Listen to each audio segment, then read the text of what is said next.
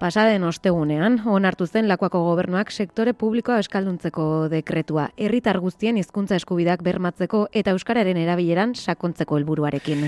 Ostegun honetan onartutako dekretu berriak mila bederatziron eta larogeita emezazpikoa ordezkatuko du gobernuaren esanetan hizkuntza normalizazioaren irizpideak garai berrietara egokituko dituzte eta euskal sektore publiko osoaren koordinazioa bermatuko du horrekin batera. dekretuak eunda berrogei mila langile baino gehiagori eragingo die, ez bakarrik Euskal Administrazio, Euskal Autonomia Erkidegoko Administrazio Publiko guztietako langilei, baita sozietate, enpresa publiko, partzuergo eta fundazioetako ere, eta baita sektore publikoak kontratatutako enpresa pribatutako ere. Hiru profil mota ezarri dituzte simetrikoa, gaitasun berberak eskatzen dituena bi alderditan, hau eta idatziz, gaur egun egiten den bezala, asimetrikoa bata bestea baino beharrezkoagoa den egoeretarako, jendearen arretarako postuetan bezala, eta partziala, hoietako bat beharko ez duena eta batez ere desgaitasun fisiko edo sentsoriala duten pertsonei zuzenduta dagoena. Araudiak ate irekitzen die entitatei euskara derrigorrezkotzat duten lanpostuetarako hautaprobetan azterketak edo hoietako batzuk euskaraz egitea erabakitzeko. Etorkizunean elegiteak saiesteko dekretua bat dator Espainiar Konstituzio Auzitegiak eta Euskal Autonomia Erkideoko Justizia Auzitegi Nagusiak euskararen lehentasunezko erabilerari dagokionez udal legearen garapenaren zati bat baliogabetzen zuten ebazpenekin. Ba, onartu berri den dekretu hau ez du babestu Euskalgintzaren kontseiluak nahikoa ez delakoan. Balorazio hori sakontzeko gurean dugu gaurkoan Idurre Eskisabel kontseiluko lehendakaria. Egunon Idurre. Egunon zoi ere. Lakoako gobernuak onartu berria duen dekretuari ambizioa falta zaiola uste du Euskalgintzaren kontseiluak zergatik? Ba, bueno, e, uste dugulako justu dekretu honek, e, aipatu duzue, nola mila bederatzireun dolaro gaita mazazpikoa zen e, honen e, aurrekoa, pentsa ez, e, e, hogeita zazpi urte pasadira e, ordutik, eta hogeita zazpi urte hauetan gure e, nolabait Euskararen normalizazioan egin dira e, urrats batzuk, iritsi gara, iritsi garen tokira, baina uste dugu jauzi bat egiteko e, moduan e, gaudela, eta gainera Euskararen normalizazioan eta bizte birritzen sakontzen segitu nahi badugu, are gehiago, esango nuke e, bai Euskararen eta bai Euskal Iztunon komunitatearen biziraupenaren alde egin nahi badugu jauzi hori beharrezkoa dela. Eta administrazio publikoa dudari gabe jauzi horretakarako bultzagarri nagusietako bata. Eta dekretu honetan jasotzen denarekin ez dugu uste horretarako bidea jartzen e, denik. E, mila behatzireun da larogeita biko Euskararen e, legeak berak e, zartzen du bete behar bat eta da e, Araba Bizkai eta Gipuzkoan administrazio publikoa Euskal, Euskalduntzea. Epe mugarik ez da jartzen e, oraindik eta horrek asko kezkatzen gaitu, ezta? E, espirituan nonbait e, hor dago, baina e, bete beharrak ez dira betetzen hortarako epeak, baliabideak eta eta moduak jartzen ezpadira, ezta? Eta alde horretatik dekretua oso oso oso lauso egiten zaigu. Normalkuntzarako bide horretan, gainera, e, akaso epe muga zehaztuta ez delako, edo aski ez direlako planteatzen diren neurriak, geroago sakonduko dugu horretan, baina epaitegitatik datorren erantzun bat ere aipatu aipatu behar dugu. Azken aldi luzean iritsi diren erabaki judizialek dekretu honen garapena zein modutan oztopatuko, bueno, oztopatu du. Ba, begira, e, kontseilutik, e, Euskal Gintzaren kontseilutik, e, oldarraldi judizialaren e, indarraz e, eta zekarren kaltea zoartarazten e, hasi genenean, hain zuzen ere, gure beldurra hundietako bat hause zen. E, momentuan, epai zepai e, egiten ari den kalte zehatzez aparte, eta gainera ikusten ari gara azken asteetan, ere nola ari den intensifikatzen berriro, ezta? Egipuzkoako diputazioko administrari e, lanpostu jarritako elegitea e, kasu, ezta? E, batetik hori dago, e, kalte zehatza, e, pai zehatzek e, dakartena, baina beste kalte batek asko kezkatzen gintuen eta da zenbaterainoko beldurra sortuko ote zuen, ezta? E, araugintza, legegintza egiten ari diren e, horiengan. Eta dekretu hau uste dugu horren adibide bat e, dela. Eta ez bakarrik e, dekretua irakurrita e, ondori horretara iristen garelako, baizik eta bingen zubiria e, jaurlaritzako kultura sailburuak eta dekretu honen, ez, e, jaurlaritzaren barruan e, dekretu hau gultzatu eta aurrera eraman duen sailaren buruak berak alaxe adierazi zuelako azalpenak emateko prentzaurrekoan, ezta? Nolabait, e, doit egin dutela e, azken epaiek oldarraldi judizialak ekarri duen e, horretara. Gure ustez, e, esan ez dago, ez dela e, hori hori bidea. Ez dela oldarraldiari aurre egiteko e, bidea. Eta horrek, ba, bueno, asko, asko kezkatzen gaitu. Susmoa berretxi delako, kasu honetan, bai, bai. beldurrarena, baina horrek ere kartezak, ezak, eta horrekari bat markatzea. Bai, e, esate baterako, ez, zertan e, islatzen da, ez, e, oldarraldi hori oso modu garbian e, dekretu, dekretu honetan. E, onartu den e, dekretu zehatz honetara iritsi bitarte hainbat zirriborro e, izan dira, ezta? Eta horre batzuetan, ba, ba esaten zen, ezta? E, esate baterako administrazio publikoaren, araba bizkaita gipuzkoako administrazio publikoaren edo sektore publikoaren e, iruditerian lehentasuna emango zitzaiola, ez? Euskarari.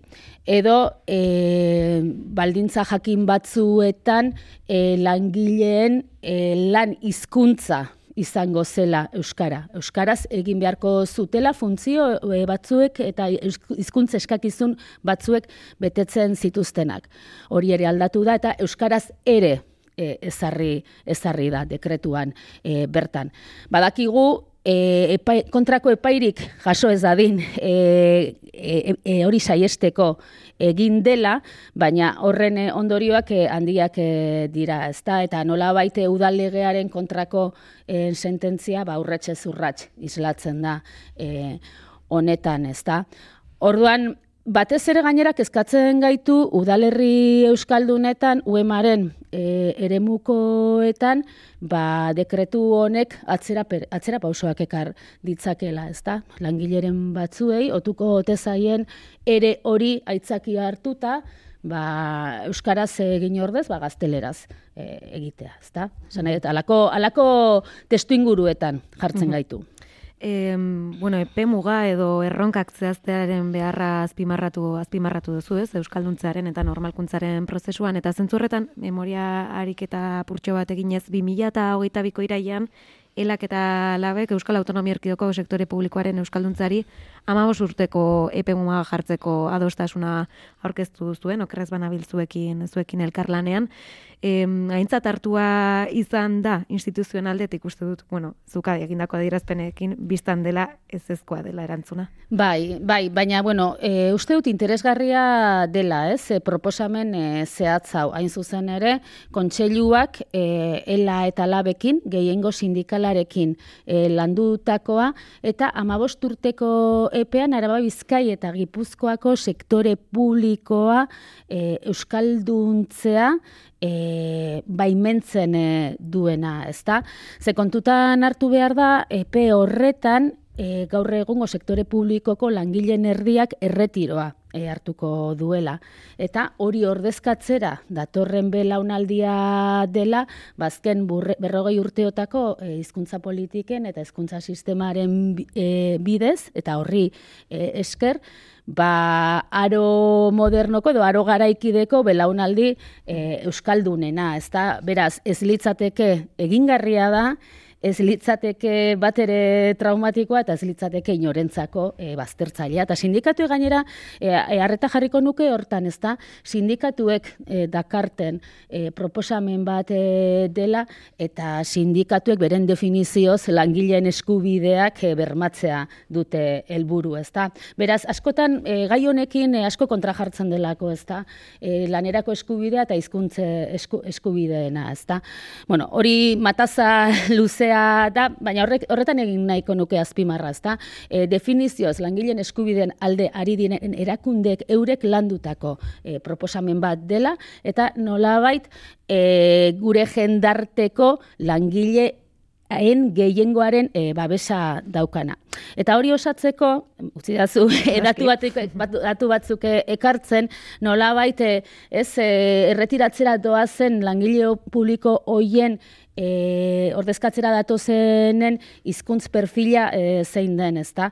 Ze azken inkesta soziolinguistikora bagoa, Zaraba Bizkai eta Gipuzkoan hogeita hamabost eta berrogeita behatzi urte bitartean e, biztan lehen euneko irurogeita lauko malaua da Euskararen ezagutza duena, euneko geita mazazpiko malauak e, Euskalduna, euneko geita zazpi hartzaila.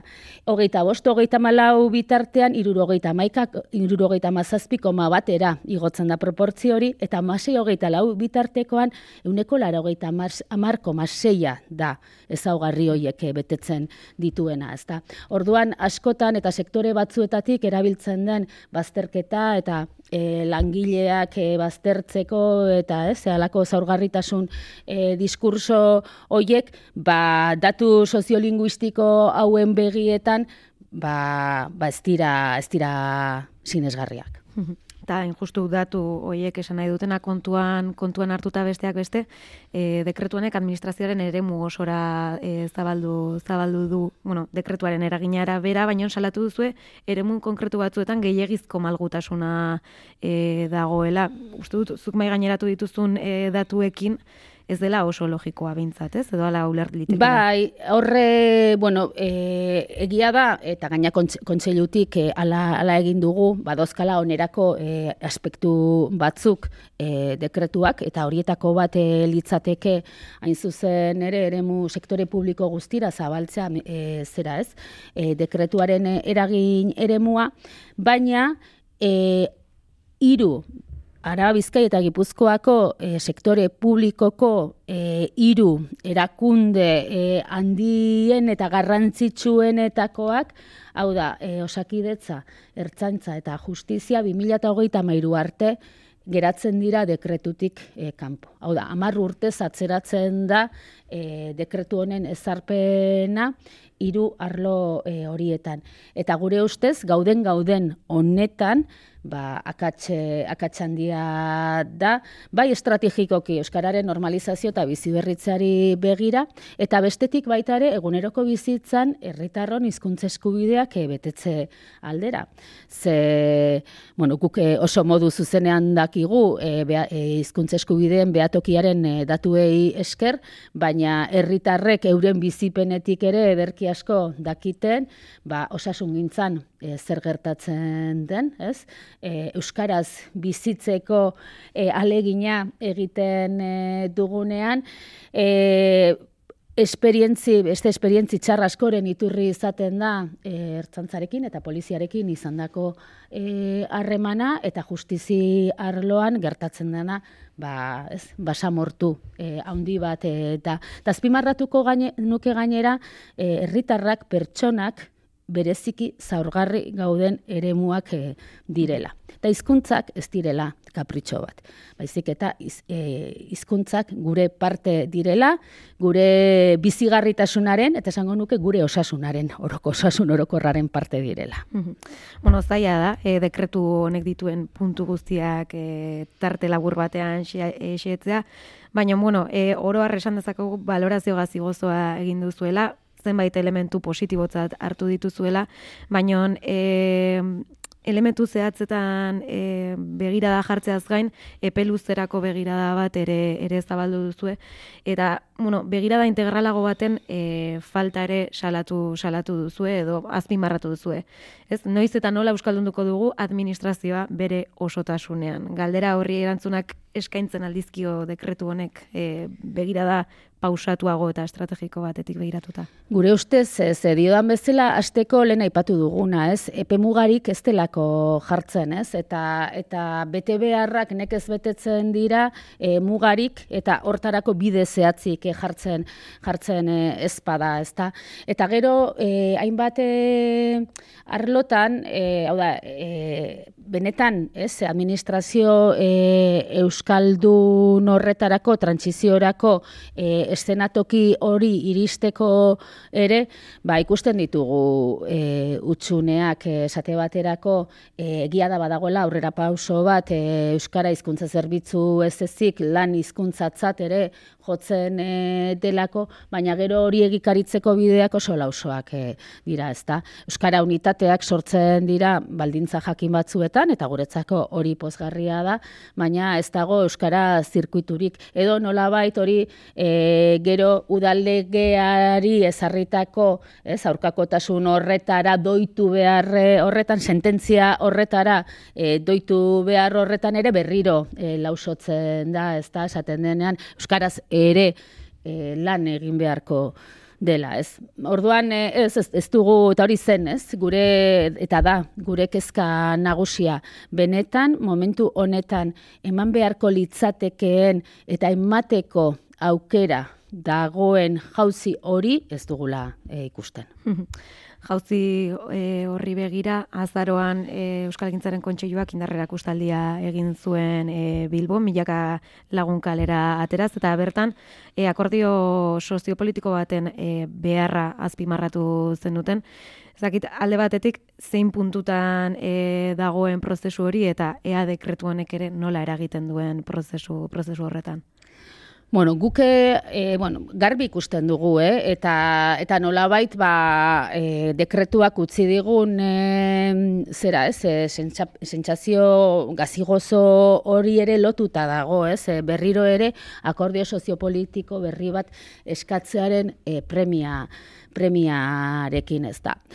Uste dugu, sakonean e, momentu hontan gertatzen ari dena, bueno, aspalditik e, gertatzen da, baina, bueno, ez, e, bolada batzuetan intensifikatu egiten da. Baina guztionen e, oinarrian eta sakonean dagoena da, e, zer ulertzen duten batzuek Euskararen normalizazioa zertan den, zer den eta zertaraino irits e, daitekeen, eta beste batzuek, eta esango nuke, gainera, gehiengo zabalak edo adostasun sozial handiak oraingoz zertan, e, zertan e, ulertzen e, duen, ezta? Eta badago sektore bat, ba, ulertzen duena, eta ala esplizitatu izan dute, Euskararen normalizazio iristen dela, administrazioa e, e, zera, ez? Herritarrei hautatutako hizkuntza ofizialean, ba, atentzioa emate horretara e, mugatzen e, dute.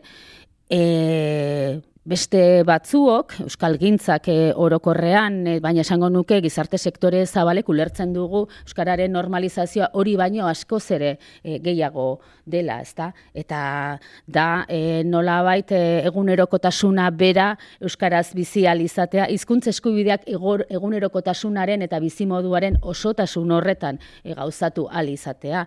Eskubideak ezpaitira administrazioarekin daukagun harremanetara mugatzen, ezta? Mm. Emakumeen e, eskubideak ez dira, ez? E, zerbitzu publikoarekin daukagun harremaneara e, mugatzen, baizik eta eguneroko bizimoduan, ez? E, osotasun batean e, ulertzen dira, bai gure lantokian, bai kalean, bai gune guztietan, ezta? Orduan, jauzi hori egite, uste dugu, eztabaida hori dagoela e, sakonean, e, judizializazio honen e, oinarrian badagoela e, ebatxitako edo ez eskutura, eskutuan gertatzen ari den e, eztabai da bat, hain zuzen ere, ba, normalizazioari muga hori jartzen dioten sektoreak dira, ari direnak e, nolabait judizializazioa bultzatzen eta e, aurrera e, eramaten.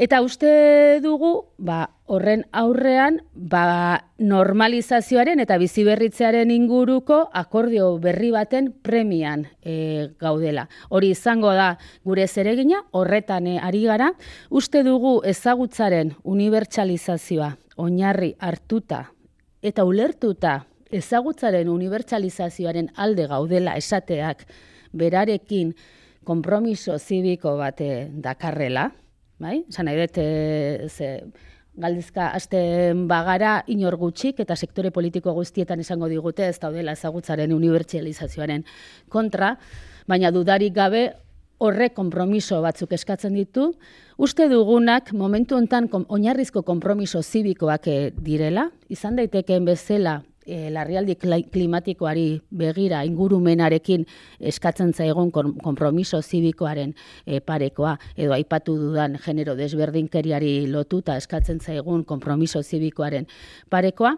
Eta ideia hori lantzen ari gara e, bai eragile sozialekin eta eta bueno, hauteskunde garaia da, ez da ez da garaiona horretarako, baina bueno, pixkanaka baita eragile politikoekin ere. Gertu dugu korrika, imaginatzen dut aldarri hori plazaratzeko ere aukera paregabea izango dela. Bai, e, egia da, e, bera, e, uste dut e, momentu honetan, korrika dela ze batzuetan, e, ez, e, kosta, kosta egiten da, e, ulertzea edo, ez, batzutan, e, ba, ez da politikoak eta eta sozialak eramaten ditugu oso termino e, hotzetara eta zifrak eta argudioak eta kontraargudioak eta eta alakoetara baina esango nuke e, korrika badela e, ba hizkuntzarekin daukagun lotura emozional baten, ez? E, erakuspen zabala eta aipatzen dudan adostasun zabal horren e, erakustaldi handi bat e, dela. Bai? Ze batzutan, ez, e, gizarte ulertu nahi izaten dugu e, alderdiek daukaten ordezkaritzaren e, unekotan. Ta hori baino askoz ere gehiago izaten da e, jendartea, ez? Ba, esango nuke korrik, korrikan adierazten den hori guztia e, dela ba, Euskararen emozionalitate soziopolitiko hori guztia. ba, ziur gozatu egingo dugula. Idurreski, Isabel, mila esker gurean izateko tarte hartzagatik. Eskerrik asko zuei.